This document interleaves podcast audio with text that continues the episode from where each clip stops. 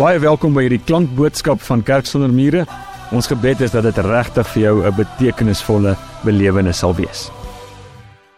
Here Jesus, dit is so dat daar niemand soos U is nie. As ons vir U eer bring, dan bring ons dit met ons lewe, met ons liedere, met ons harte. Ontvang dit asseblief. Word verheerlik ook in hierdie oomblikke. Breek asseblief lewende brood met ons elkeen. Maak U woord lewendig soos wat net U dit kan doen in die naam van Jesus. Amen.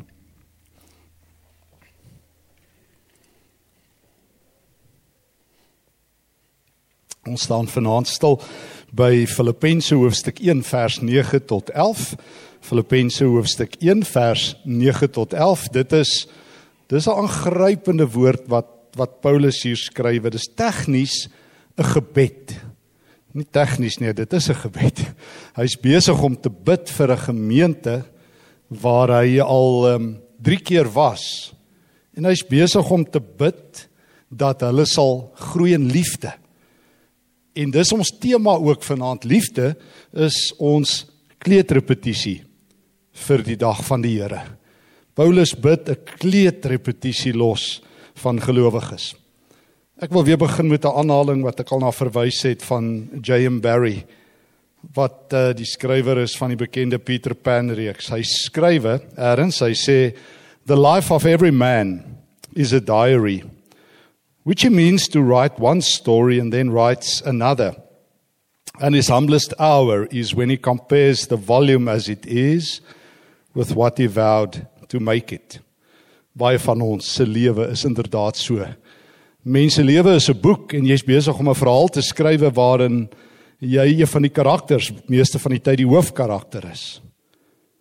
En meeste mense as hulle ergens in hulle lewe kom, veral hier teen einde van hulle lewe dan neem hulle boeke op en dan is dit gewoonlik 'n geweldige ontnigtering.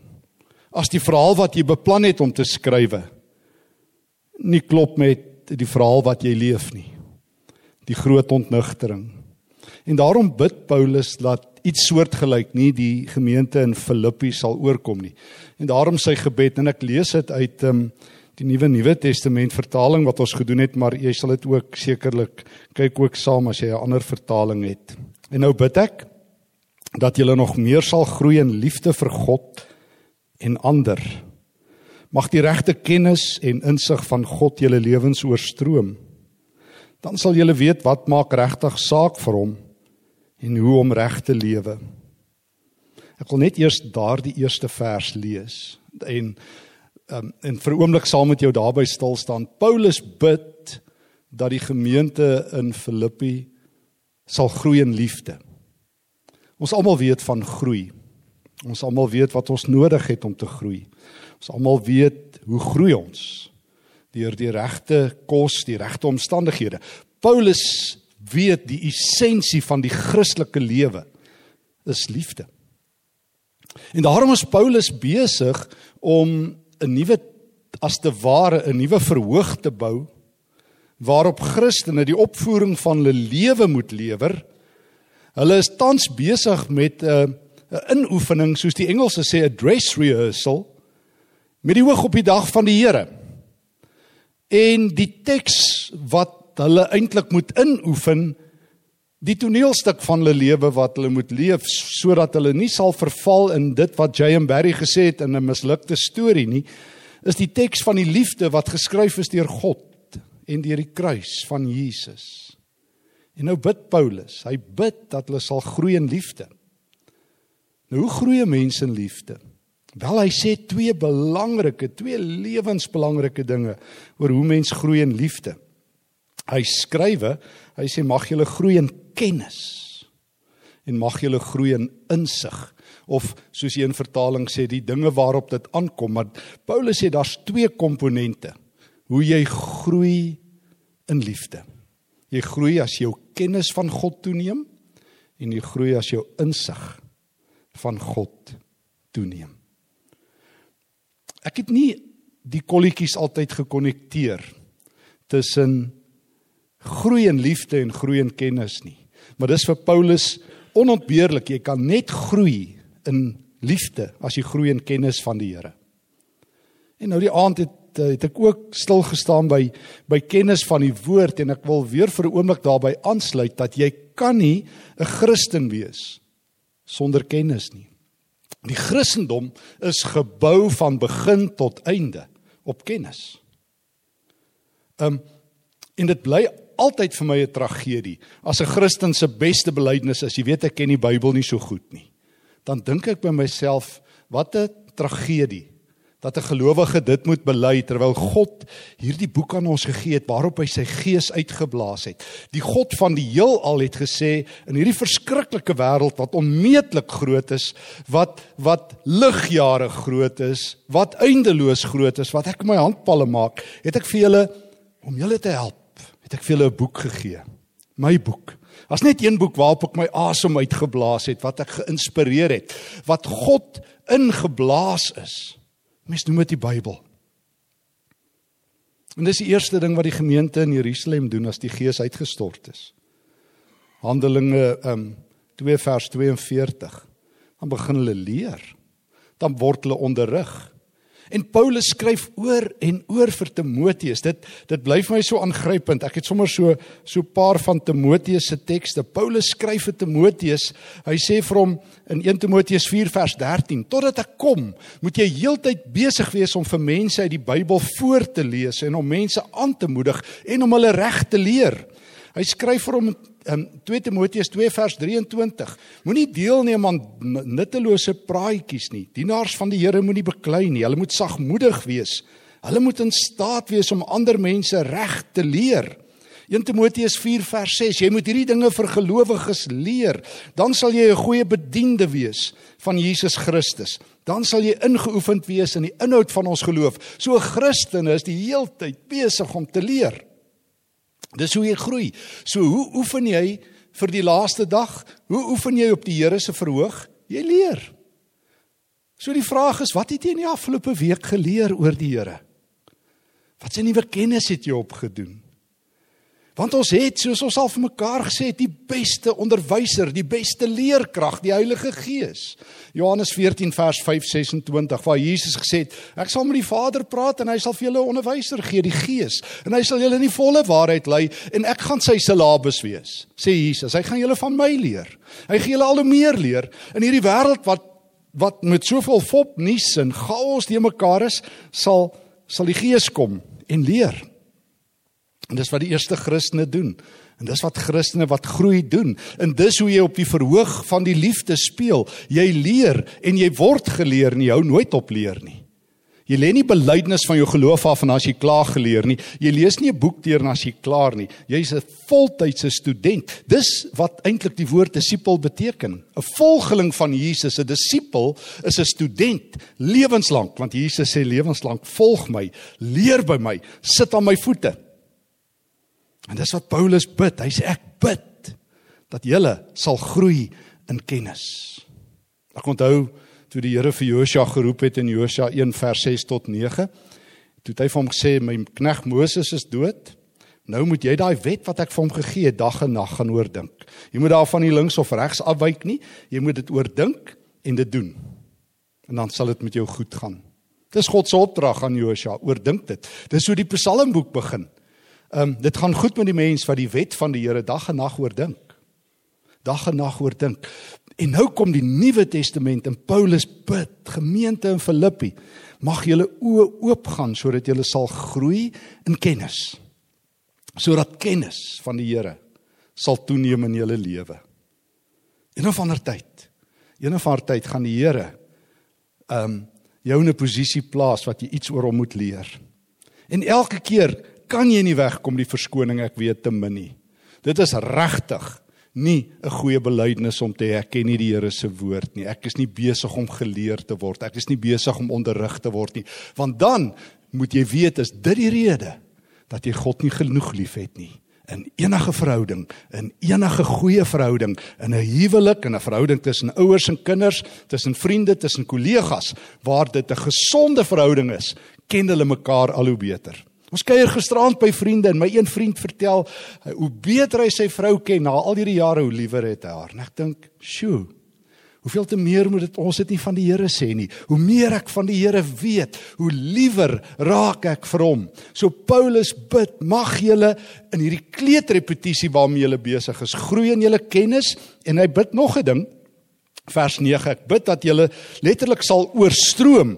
Hy hy hy, hy sê dit so sterk in die oorspronklike taal dat jy sal meer en meer oorstroom amper dat dat jy meer en meer kennis sal hê en in insig sodat jy sal weet wat regtig saak maak vir God en hoe om reg te leef insig um, om verras te wees deur God om nie net uit sy woord te leer nie maar om God in die regte lewe te leer ken en elke dag nuwe insigte oor God op te doen daardie aha ervarings Hulle sê mens verander, die slim ouens wanneer jy 'n soort ervaring het wat wat jou lewe herdefinieer in voor en na. Daardie een oomblik dat jy tot insig kom, ons gebruik die woord insig. Daar dit kom baie keer as jy in verwondering iets beleef. Dit kom baie keer as jy uit die bloute in iets of iemand vasloop wat jou lewe verander. Soos Elisa se slaaf. Nou een oggend daarby stil gestaan hier in 'n oggenddiens in 2 Konings hoofstuk 6. Ek meen Elisa se slaaf kon net sowel in Suid-Afrika geleef het. Hy sien net moeilikheid. En hy word die oggend wakker daar in Dothan in die dorp is omring deur die Arameërs 2 Konings 6 vers 14 tot 17. En hy maak vir Elisa wakker en hy sê ons is in geweldige moeilikheid meneer.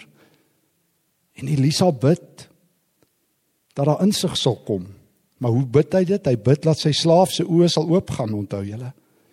En hy bid en ewe skielik gaan die slaaf van Elisa se oë oop en hy sien die wat by ons is is inderdaad meer as die wat by hulle is. En toe het ek daai oggend gesê die dilemma met Afrikaans toe ons die oggenddiens by hierdie teks stil gestaan het, is dat Afrikaans ons 'n bietjie bedrieg. Ons sê gewoonlik eensaam dan bedoel ons ons is alleen. Maar eensaam beteken al reeds jy's nie een nie, jy's een saam. Ons moes eintlik sê jy is een alleen. So Afrikaans is bietjie de mekaar.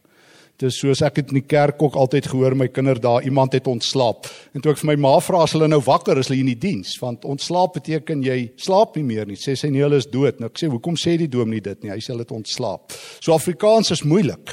Maar die een ding wat ek van Afrikaans weet is dat eensaam is eintlik een alleen. En Elisa se slaaf is een alleen totdat die Here sy oë oopmaak toe sy eensaam, eensaam met die Here. Toe sy nie meer een alleen nie. En dis daai verwondering, dis wat Paulus sê, dis wanneer die liefde jou tref. Wanneer wanneer net soos wat Paulus vir die gemeente in Filippi bid, bid Elisa dat sy slaaf se oë sal oopgaan en sê die Here vanaand vir ons elkeen, sal julle oë net oopgaan vir liefde. Sal julle net op 'n vernuwe verhoog kom speel. En hoe gaan julle dit doen? Julle gaan groei in kennis. En en God gaan julle oë oopmaak om julle te verras. Hy gaan julle enige oomblik raakloop. En die grootste ontdekking wat jy in jou geloofslewe kan maak, is dat jy nie een alleen is nie. En dat jy nie net moeilikheid raak sien nie, maar God oral sien. Dat jy soos wat ek dit in Engels graag altyd vir my vir myself sê, sodat jy nie langer sê God is nowhere nie, maar dat jy kan sê God is now here. Maar dieselfde letters is. Hang net af hoe jy dit skrywe. God is nou hier. En toe Elisa se slaaf dit besef, het verander sy hele lewe. So hier's die eerste belangrike ding waarvoor Paulus bid. As hy bid vir liefde, bid hy dat jy sal groei in kennis en in onderskeiding van God, in belewenis van God en ervaring van God. In Elia Elisa se slaaf se taal van een alleen na een saam. Maar Paulus bid nog iets. Hy bid nie net dat ons sal groei in kennis wat oorstroom in insig en ervarings nie. Hy bid ook tweedens in Filippense 1 vers 10 tot 11 dat ons sal leer om te speel en te leef vir die finale opvoering op die dag van die Here. Die bekende Christen skrywer en um um professor in Engelse literatuur C.S. Lewis skryf in sy groot boek Mere Christianity uh skryf hy 'n sinnetjie wat my jare terug 'n groot deel van my teologie geskuif het. Hy skrywe The Christians who did the most for the present world were precisely those who thought most of the next. He said, since Christians have begun thinking less of the other world, that they have become so ineffective in this. Aim at heaven and you get earth thrown in. I'm at earth and you get neither. So C.S. Lewis sê 'n Christen wat die wêreld verander is Christen wat 'n helder visie het van God se nuwe wêreld. Dis waarvoor Paulus bid. Ek lees saam met jou Filippense 1 vers 10 tot 11. Hy sê as jy dan nou groei in kennis waarvoor hy bid en 'n fyn aanvoer 'n onderskeiding, dan sal jy weet wat maak saak vir God en om reg te lewe vir hom. Hoor nou. Dan sal jy opreg en sonder enige foute wees op die dag wanneer Christus terugkeer. Op daardie dag sal julle lewe soos 'n boom wees wat oorlaai is met die regte vrugte van gehoorsaamheid. Jesus laat hierdie vrug van geregtigheid in julle lewe groei. Hy doen dit sodat God geëer en geprys word. So nou kom Paulus en hy sê, weet julle wat? Jy groei in liefde, in kennis en in insig sodat jy op die regte verhoog kan wees. Want jy's besig met 'n kleedrepetisie vir die dag van die Here. Sodat jy op die dag van die Here as jy voor die Here staan, dat die Here vir jou sal hande klap oor alles wat jy reg gedoen het. Nou ek het nooit so gedink oor die dag van die Here nie. Al wat ek eintlik gehoor het toe ek so jonk chokkertjie was in die kerk is as ek vanaand doodgaan, waarheen gaan ek? Dit lyk vir my die kerk was meer bekommerd of ek nou vanaand doodgaan en of ek asof as dat ek môre nog gaan lewe. En toe het hulle vir my gesê as jy nou vanaand doodgaan, dan gaan jy eintlik tipe van hel toe en en as jy nou gelukkig is, dan gaan jy dit hemel toe. En toe het ek ander goeters gehoor soos ehm um, dat die Here op die laaste dag so 'n film oor ons lewe gaan kyk. Ek onthou daar was so 'n evangelisasie reeks in ons kerk en toe het hulle gesê die Here gaan op die laaste dag 'n film van ons lewe wys en ek het gedink o, Gonna, daar moet 'n ouderdomsbeperking op daai film wees. Ehm um, want ek wil nie 'n fliek van my hele lewe sien nie. Ek weet nie van julle nie, ek wil nie. En toe dink ek my ma wil ook nie. en ek dink ek wil ook nie haar fliek sien nie. Ons almal gaan vir die, vir die res van die ewigheid ontnigterd wees met mekaar. Dit gaan nie hemel wees nie. Maar hulle het vir my vertel dit staan in die Bybel omdat hulle Openbaring 20 verkeerd gelees het, maar dis 'n ander gesprek vers 11 tot 15. Maar maar ek was doodbang om voor die Here te verstaan wat ek gedink op die laaste dag is dit my ses van die bestes en wat die Here gaan sê, hoe het jy my nie teleurgestel nie en hoe het jy nie droog gemaak nie en wat 'n geestelike mislukking was jy nie en hoe 'n teleurstelling was jy nie? En ek het nooit opgeteken in die kerk om 'n geestelike mislukking te wees nie. Ek het nooit 'n Christen geword om die hele tyd te hoor ek misluk nie, regtig nie. Dis my tragedie laat dit so dikwels gebeur. Dat mens baie keer by so goddank nie hier nie, maar by so baie gemeentes en baie keer as ek preke luister, nou die dag op die radio het ek sommer oorgeskakel na na na uh, na bietjie rockmusiek nadat ek 'n prediker gehoor het. My siel kon dit nie uitstaan toe hy vertel hoe teleurgestel die Here met ons almal is nie. Sê ek, maar ek het nie opgeteken om 'n teleurstelling te wees nie. Ek het nie opgeteken om God se hart te breek nie. Ek het nie aangemeld om hom nie lief te hê nie. Ek wil God dien met alles in my. En al wat ek altyd hoor, ek preek die Here se hart. So ek was tot die dood toe bang vir die dag van die Here totdat ek tekste gelees het soos Filippense 1 waar Paulus sê hoor hierso en sy ander tekste. Jy moet nou een ding van Jesus weet. Hy het vir al jou sondes betaal. Dit beteken hy het regtig vir al jou sondes betaal. Al glo meeste Christene dit nie en baie van die ou dominees wat dit gepreek het ook nie en ou pastoor en wat alles. Want op die dag van die Here gaan die Here jou eers weer 'n bietjie op jou plek sit en uitsorteer en reg sien en regruk en Levite voorlees en vir jou vertel wat se gemors het jy gemaak. Nee, Jesus het vir alles betaal. Hy het vir alles betaal. Dis wat Kolossense 2 vers 14 en 15 sê. Dis wat Romeine sê. Dis wat al Paulus se briewe sê. Toe Jesus betaal het, het hy agteruit betaal, vorentoe betaal, tot in ewigheid betaal. Dit beteken nie soos wat mense altyd dink nou jy 'n gratis doen 10 sondes 'n dag met komplimente van die hemelkaartjie nie. Maar verstaan jy nie die Heilige Gees nie?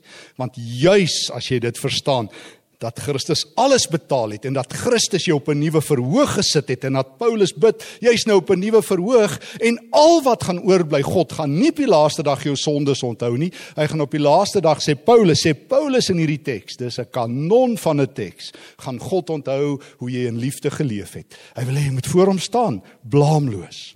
So jy oefen nou, jy's met 'n dress rehearsal besig as jy groei in kennis van God en as jy groei in in verstaan van God, maar ook as jy die liefde doen. Want op die dag van die Here gaan God net die liefde onthou vir sy kinders, maar hy het die sonde lig gegee. As jy voor God staan en sê Here, ek het U so teleurgestel, gaan Jesus sê onthou jy ek het betaal daarvoor. Ek het al jou gemors op my skouers gevat. Ek het betaal toe jy op jou verste van my af was. Onthou julle Romeine 5, sy sal hy vir my vra, onthou jy Romeine 5? Paulus het dit vir jou geleer, hoekom jy dit nie geglo nie? Toe jy 'n sondaar was, toe jy my vyand was, toe jy swak was, toe jy ver van my af was, het ek betaal. Sodat jy naby my kan wees Romeine 5 vrygespreek kan wees my kind kan wees. Nou vandag gaan ons nie kyk na jou gemors nie ons gaan vandag 'n opvoering hê van jou lewe van al die liefde wat jy geleef het. Want al wat gaan oorbly En en ons moet dit net die kolletjies konnekteer en dit glo. Paulus sluit 2 Korintiërbrief hoofstuk 13 af. Geloof, hoop en liefde bly en die grootste hiervan is die liefde. Jy kan die liefde saamvat. Dis nie waar dat jy niks kan saamvat as jy doodgaan nie. Jy gaan liefde saamvat. En op die dag van die Here gaan God net die liefde onthou. Hoe weet ek dit? Ek het gaan kyk in die Nuwe Testament. Wat onthou God op die laaste dag van sy kinders? Paulus sê sodat jy blaamloos en onberispelik kan wees. Hy sê vir die gemeente in Korinte ek wil julle saamvat soos 'n bruid sodat Christus kan sien hier sy bruid. Ek wil trots wees. 2 Korintiërs 10. En in 1 Tessalonisense op die dag van die Here gaan julle sy hart bly maak. Wens ek het dit geweet. Ek wens my dominee dit geweet toe ek 'n kind was. Ek vir my dit ook nie geweet nie. En op die dag van die Here gaan die Here dit vier. So wat onthou God op die laaste dag? Matteus 10 vers 42 sê Jesus. Praat hy so op 'n stadium met die mense en dan sê hy, weet julle wat? As julle vir een van my disippels 'n beker koue water gee, sal ek dit onthou op die dag van die Here. So Jesus sê op daai dag as hy voor hom staan, dan gaan hy sê, "Sjoe, kom ons kyk bietjie na jou opvoering van die liefde." Onthou jy daai een dag toe iemand naby aan jou honger was en jy gestop het en 'n bekertjie koue water uitgedeel het. Nee, gaan sê o, wêreld Here, ek het dit vergeet. Dan sê Jesus, maar ek het nie, ek het dit onthou. En onthou jy daai eendag toe jou skouers breed genoeg was en iemand swaar gekry het en jy jou eie laste 'n bietjie gelos het. En iemand anders se laste op jou skouer getel het. Ek het dit raak gesien. En onthou jy daai dag toe almal by iemand verbygeloop het en jy gestop het. Onthou jy daai dag toe jy jou dagboek onderbreek het en uitgereik het. Onthou jy daai dag toe jy geld gehad het vir iets anders? Maar toe sê vir jouself, ek gaan nie meer hierdie geld op myself uitgee nie. Jy het gegee vir iemand wat honger is. Ek het dit raak gesien. Ek het gehoor toe jou laaste sente in die tempel se skatkis gegooi het. Ek het gesien toe jy reukolie oor my uitgegooi het. Ek het gesien hoe jy 'n bekertjie koue water uitgedeel het en ek sal vir die Here sê, Here, ek het nooit geweet Dit is deel van die konsert, die opvoering op die laaste dag nie en die Here gaan sê dit is. Weet jy wat gaan Jesus doen? Dan gaan hy hande klap. Dan gaan hy sê dis die mooiste getuienis dat die liefde oorgebly het in jou lewe. In Lukas 14 doen Jesus dieselfde. Hy hy dis terwyl hy daar by 'n ete is en almal vir die beste plekke hardloop, tipies mense wil die belangrikste wees. En dan sê Jesus moet dit nie doen nie. Hy sê as jy weer 'n ete hou, nooi die armes en die blindes en die verlamdes. Hulle gaan jou nie terugnooi nie, hulle het niks. Hulle het niks, maar God sal onthou. God sal onthou en op die dag van die Here sal die Here sê, onthou jy daai dag? Toe jy vir my kinders honger was. Praat nie van die fopbedelaars by die robotte nie. Toe jy vir my kinders regtig honger was, nie moeite gaan doen net om hulle op te soek. Want die mense wat regtig swaar kry, kruip weg, jy moet hulle gaan soek. Hulle kry skaam. Hulle hulle is verneder. En toe jy hulle gaan opsoek het en vir hulle 'n feesmaal aangelê het. Hoe ek onthou dit en vandag gaan ons dit vier. So die dag van die Here is toe nie 'n regsien regruk uitsorteer dag vir gelowiges nie. Dis 'n dag om na uit te sien. Dis 'n dag om na te verlang. Dis die dag dat die Here Jesus sal sê: "Mooi so. Mooi so. Ek is so bly. Jy het my lewe geleef." Mag dit nie wees dat die Here op die laaste dag net so een sinnetjie sal hê. As hy so kyk na my opvoering, laat hy vir my sal sê, "Sjoe, ek sien jy was toe 'n byspeler, jy het hom so een keer lief gehad." Mag die Here sê dat my lewe oorgeloop het van liefde. Want as dit waaragtig waar is dat die liefde die belangrikste is en ek oefen dit nie in nie, is die grap op my. As dit waar is dat Jesus sy liefde is om jouself te gee en te gee en te gee.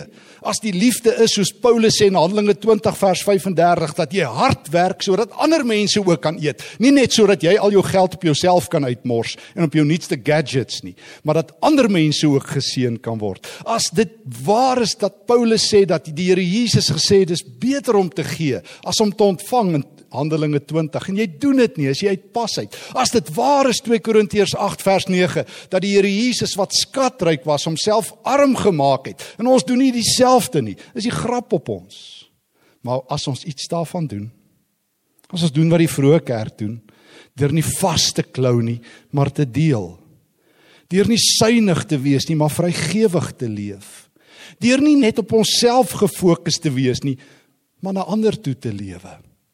Hoe sê Leonard Sweet as ons kan skuif from me to we van ek na ons en kan insluit en 'n oog kan hê en 'n hart kan hê elke dag vir die mense oor my pad. As ek besig met 'n goeie inoefening. Liefde dra vrugte op die laaste dag, sê Paulus. Hoor dit weer, op daardie dag, daarmee sluit ek af, sal julle lewe soos 'n boom wees wat oorlaai is met die regte vrugte van geregtigheid. Is dit nie die mooiste teks ooit nie? Op die dag van die Here gaan die liefde oorbly en God gaan by elke vrug verbystap en hande klap vir elke vrug van liefde. En daarom, daarom bid Paulus. En kom ons hoor net weer sy gebed. En kom ons bid dit net met ons eie lewe saam. Kom ons ek gaan dit vir ons saam in, in gebed bid in saam met Paulus en nou bid ek dat julle nog meer sal groei in liefde vir God en ander. Mag die regte kennis en insig van God julle lewens oorstroom. Dan sal julle weet wat maak regtig saak vir hom en hoe om reg te lewe. Dan sal julle opreg wees en sonder enige foute op die dag as Christus terugkeer. Op daardie dag sal julle lewe soos 'n boom wees wat oorlaai is met die regte vrugte van gehoorsaamheid. Jesus Christus laat daardie vrug van geregtigheid in julle lewens groei. Hy doen dit sodat God geëer en geprys word. Nou hier's ons Here. Wil U asseblief liefde in ons lewens uitstort? Ons is op U verhoog.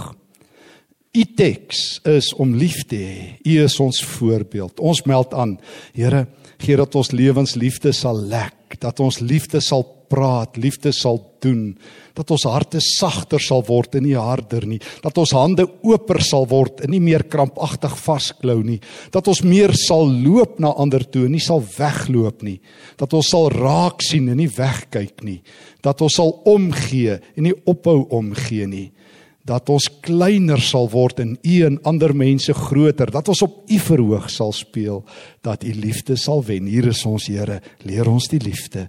Skryf die teks vir ons en gee dat ons dit agterna sal lewe. En ons kan nie wag om op die dag van die Here te hoor hoe ons op u verhoog gespeel het nie. Ons leef vir u en ons het lief vir u en ons het ander lief in Jesus se naam. Amen. Indien hierdie boodskap vir jou iets beteken het, dan wil ek vir jou vra Deel dit asseblief met iemand wat jy ken. En moet asseblief nie vergeet nie, ons sal jou bitter graag wil verwelkom by ons in-persoon eredienste op Sondag. Vir meer inligting oor Kerk sonder mure, is jy baie welkom om ons webtuiste te gaan besoek of ons op sosiale media te volg.